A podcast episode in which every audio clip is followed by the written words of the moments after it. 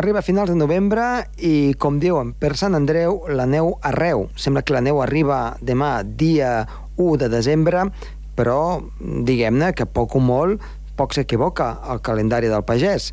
Així doncs, esperem aquesta neu i aquest fred que ja és molt intens. Comença el torn. En el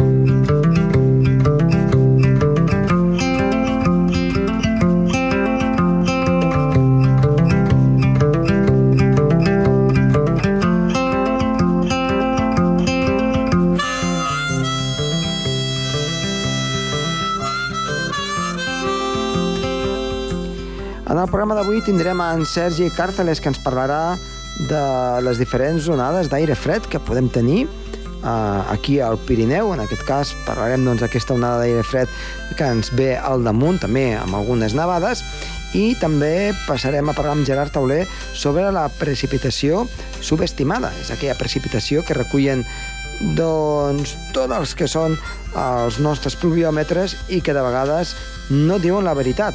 A vegades ens pensem que plou eh, uns quants litres per metre quadrat i resulta que la dada no és exacta i en sabrem el per què.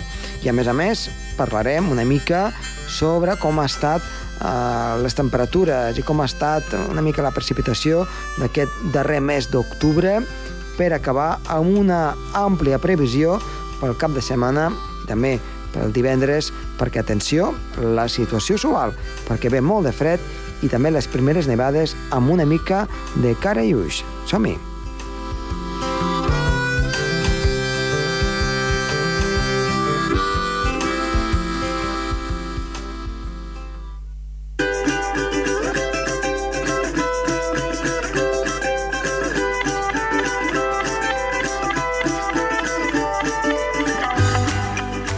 Iniciem el programa amb Sergi Cartelés, que ens portarà, suposo, alguna novetat del fred que està fent ara mateix a, arreu dels Pirineus. Sergi, molt bona tarda. Hola, bona tarda. Com, com portes el fred? Doncs el porto bastant bé. Estem bastant abrigats ja, ens estem ja acostumant a aquest fred que ha vingut bastant de cop. Uh -huh. I bé, avui parlarem sobre aquest fred que ens està afectant i també la diferència de masses d'aire que poden portar diferents tipus de fred. Ara ho comentarem. Doncs som-hi, anem a veure quin, quin és aquest tipus de fred que, que ens poden afectar. Doncs mira, per exemple, en aquest cas ens està afectant el fred polar. Estem parlant d'unes masses d'aire molt fredes, més fredes del al normal, almenys aquí en el nostre país, que ens porten temperatures sota zero a tot el país i temperatures tranquil·lament de menys 8, menys 10 graus a les zones altes dels Pirineus. Estem parlant d'una massa d'aire freda i a la vegada seca, i és la característica principal de l'aire polar, que és una massa d'aire que recorre tota Europa, però l'Europa continental. Llavors el que fa l'aire és anar-se refredant i a la vegada anar-se secant, ja que no troba ninguna massa d'extensió d'aigua i per tant no es pot anar recarregant d'humitat. El que ens porta aquesta massa d'aire polar és un fred bastant intens, d'aquest fred que a vegades diem que se'ns calen els ossos, no? És, un, és d'aquests freds que, que en seguida doncs, sentim que comencem a, a gelar-nos per dins. I bé, la, la característica meteorològica que porta és que és un fred molt sec i que llavors no porta quasi precipitacions, fins i tot podem dir que és un aire que porta sol, és una paradoxa, no? Aquí tenim un aire molt fred, però tenim el sol a sobre, encara que aquest sol no ens dongui suficient calor doncs, per poder passar bastant bé aquest, aquests dies. I després existeix un altre tipus de vent, un altre tipus de massa d'aire, que és el fred àrtic. Estem parlant d'un fred també que prové del nord d'Europa, estem parlant de Escandinàvia, estem parlant de, de quasi, quasi el Pol Nord, no?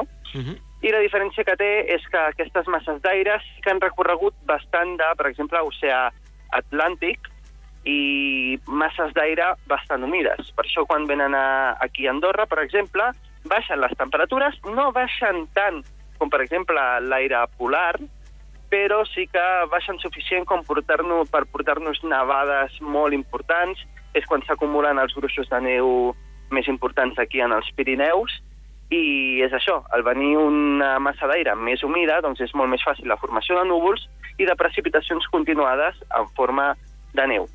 En aquest cas, doncs el que estem tenint és una massa d'aire polar, així que, com podem estar veient, doncs, eh, tenim el fred a casa nostra, però tampoc s'estan enregistrant ni molts núvols ni moltes pluges. Molt bé, doncs escolta, anirem pendents a veure què és el que acaba passant amb aquest uh, aire fred de que uh, ens va afectant al llarg de tots aquests dies, que ens recorda que l'hivern és, és proper, però està fent més fred fins i tot que, que a moments de, de ple hivern, però és el que té, uh, aquestes masses d'aire que, que ens has explicat, que ens venen de cop, i les hem de suportar com, com bé puguem. Sergi, doncs moltes gràcies i t'esperem la setmana vinent. Molt bé, moltes gràcies i abrigar-se. Adéu-siau. Adéu.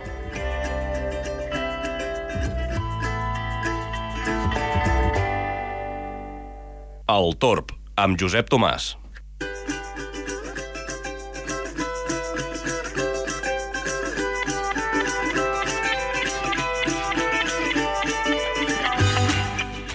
Tenim a l'altre costat del fil telefònic, bé, no hauríem de dir del fil telefònic, sinó per les zones, eh, ens arriba també la veu de Gerard Tauler. Gerard, molt bona tarda. Hola, molt bona tarda, Josep Tomàs. Què, què ens expliques aquesta setmana?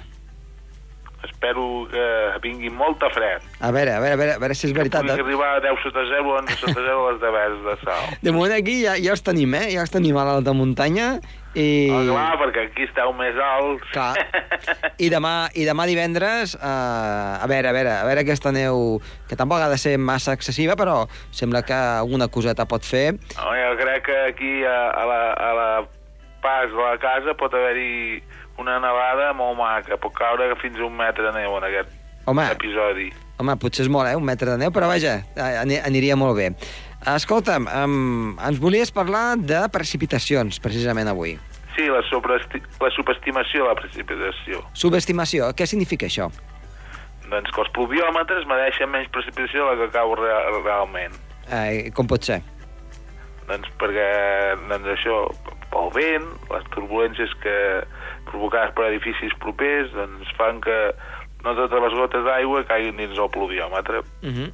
Aleshores, com, com s'hauria de, de fer per calcular una precipitació correctament? Doncs posar com una mena de, de barreres al voltant, com una mena de, de quadrats, de, amb pals, de diferents altures, do, dos, dos barreres, i així ens estalviaríem la, la, la subestimació, faríem que, que realment tota la precipitació caigués dins el, el pluviòmetre, perquè no hi hauria turbulències al voltant del pluviòmetre. Clar, per això és una mica irreal, no?, podríem dir. Home, irreal, però això és el que ens van dir a les jornades meteorològiques Eduard Fontserè, que vam celebrar els dies 24, 25 i 26 de novembre de 2017 a Barcelona, Mhm. al Cosmo Caixa.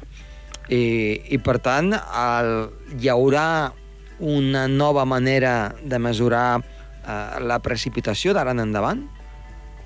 S'implementarà aquesta, aquesta, aquesta tècnica? És molt car, però sí que en alguns pluviòmetres sí, sí que s'aplica aquesta, aquest mètode. Mm -hmm. ah, clar, hauria de ser zones planes, sense edificis als costats...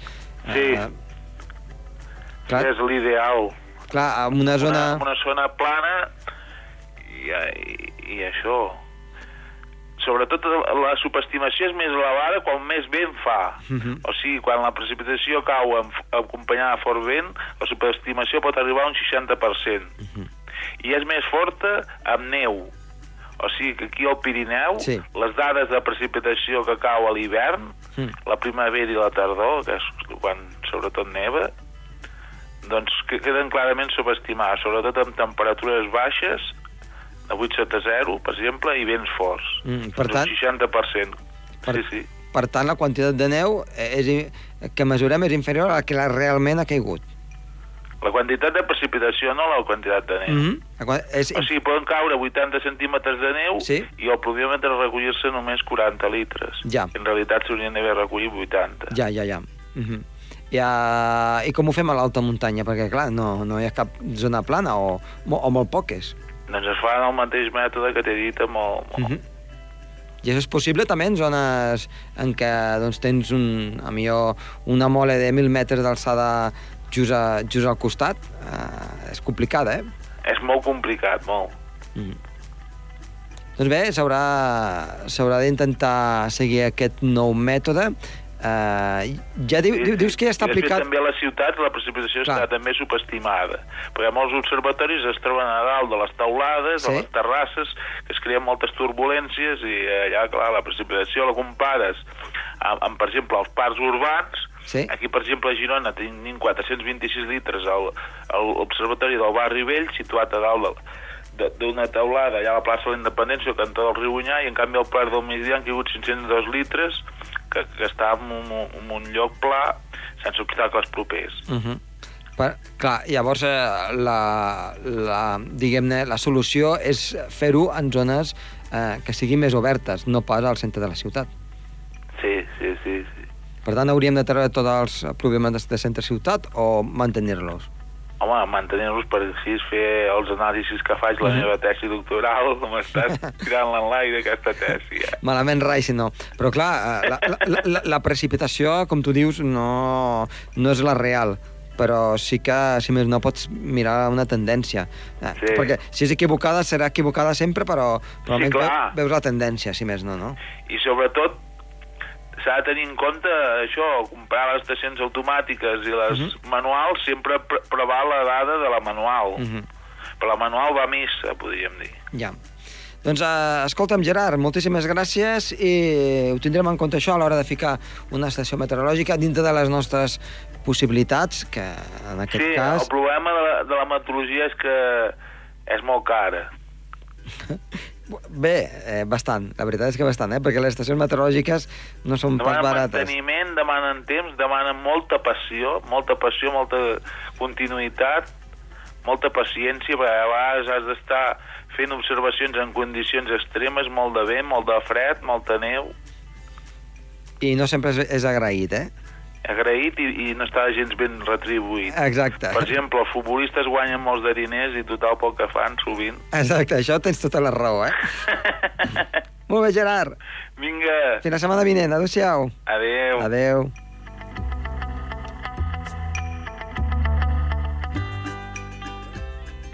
El Torb, amb Josep Tomàs.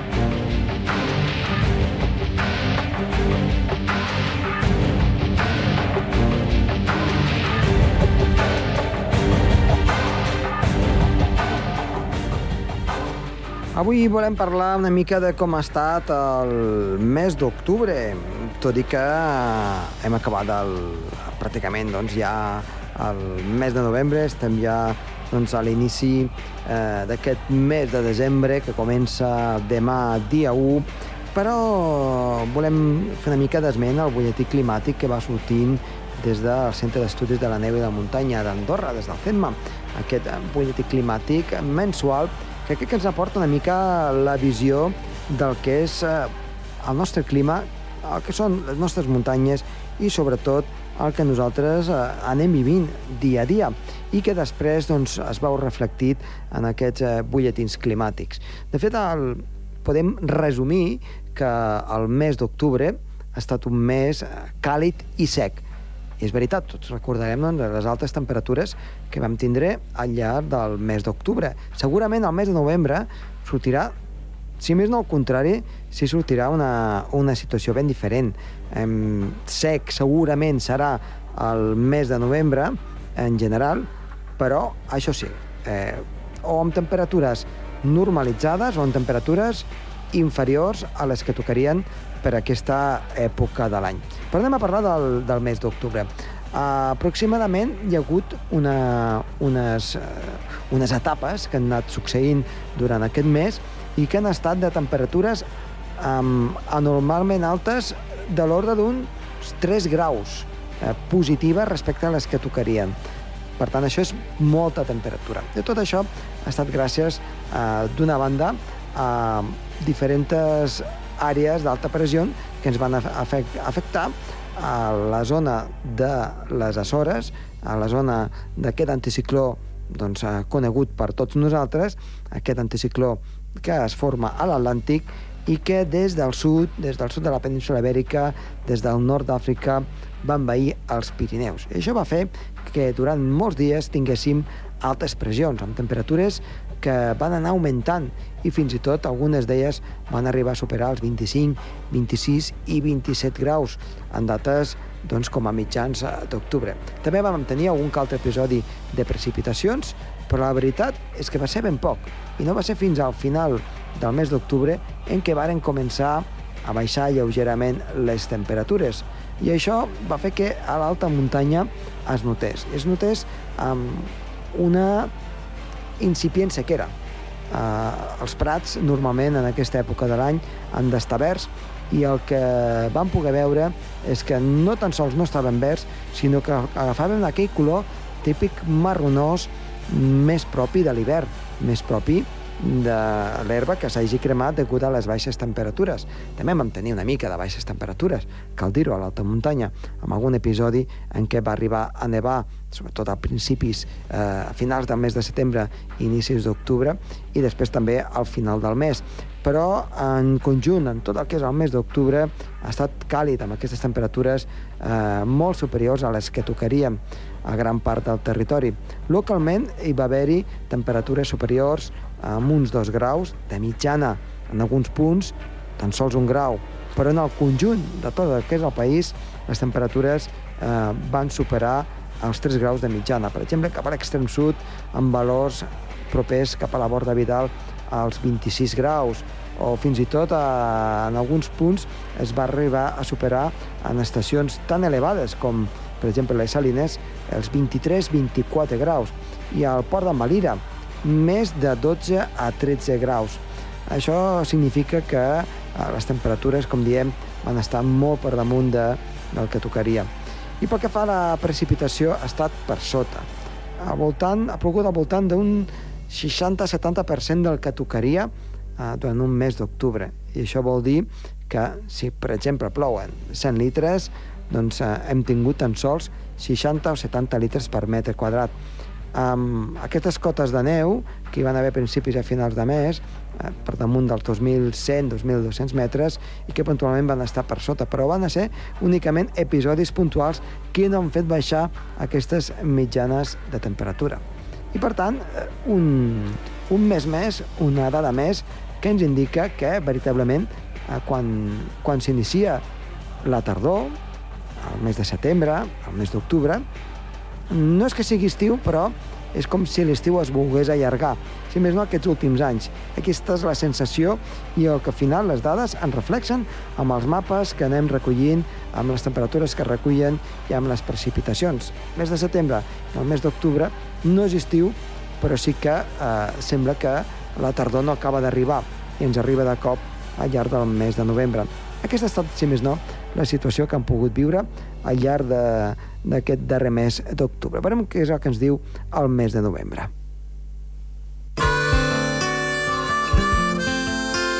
El Torb, amb Josep Tomàs.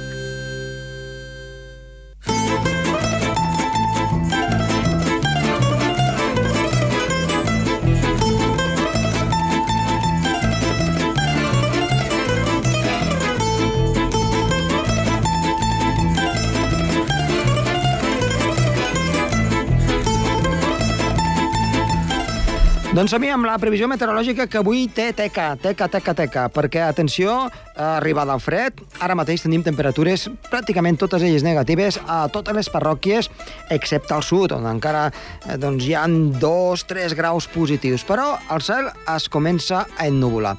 I s'ennuvola perquè hi ha una pertorbació que a poc a poc va arribant. Atenció amb aquesta pertorbació que donarà que parlar al llarg de demà i durant pràcticament tot el cap de setmana. No volíem fred? Doncs ja el tenim aquí. Un fred que ha de, d'una banda, fer que puguin obrir amb molta tranquil·litat totes les estacions d'esquí. El per què? Ara ho expliquem. De moment, aquest front, aquesta pertorbació, és un front polar que ve directament des del Pol Nord i ha travessat gran part de França, donant nevades a cotes molt baixes. I ara està a punt d'arribar al Pirineu. De fet, aquest matí ja estava afectant eh, gran part de la zona més occidental del Pirineu, de la serralada cantàbrica, nevant a cotes tan sols de 200-300 metres d'alçada.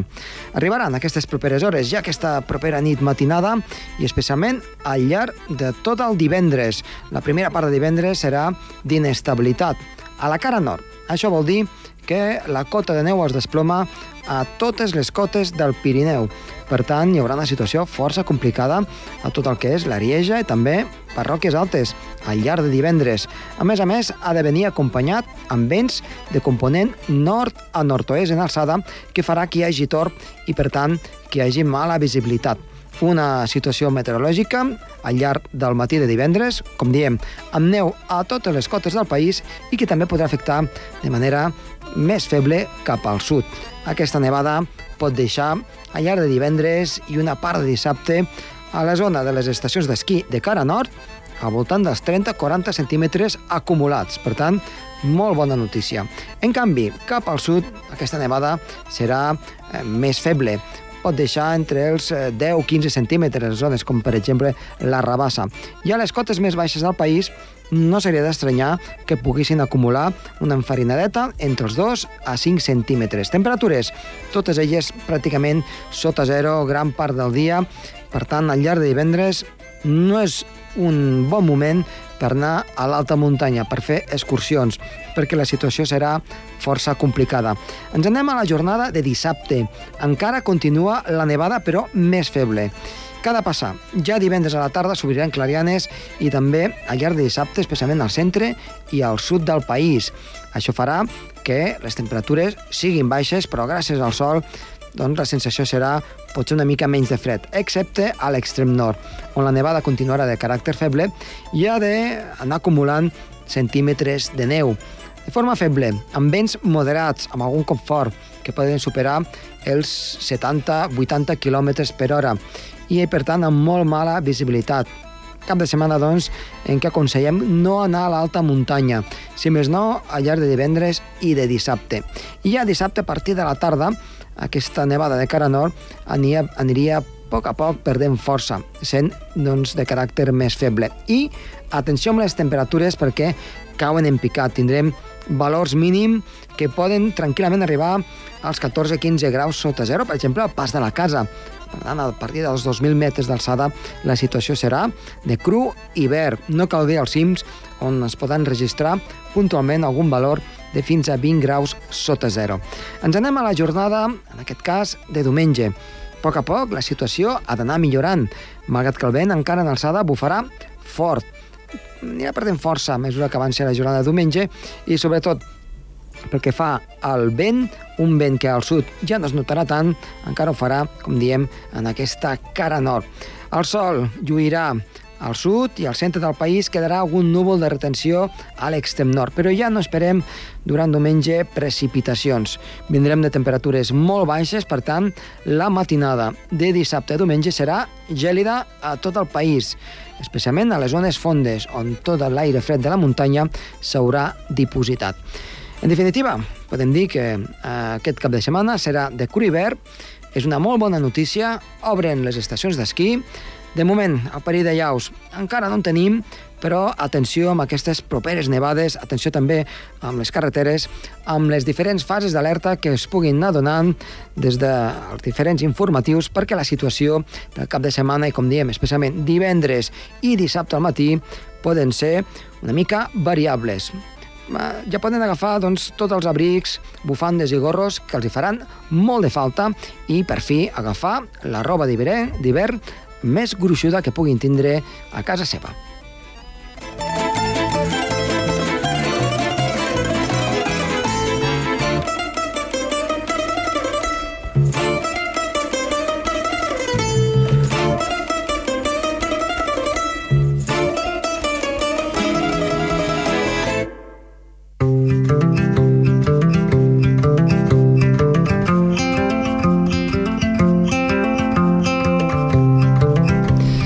Aquí acabem el programa. Esperem que els hi hagi agradat molt, que s'abriguin, que disfrutin de la neu al llarg d'aquests propers dies. I res més, està de les vies de so, Toni Escur, i que els ha parlat amb molt de gust, Josep Tomàs. Adéu-siau. Adéu-siau.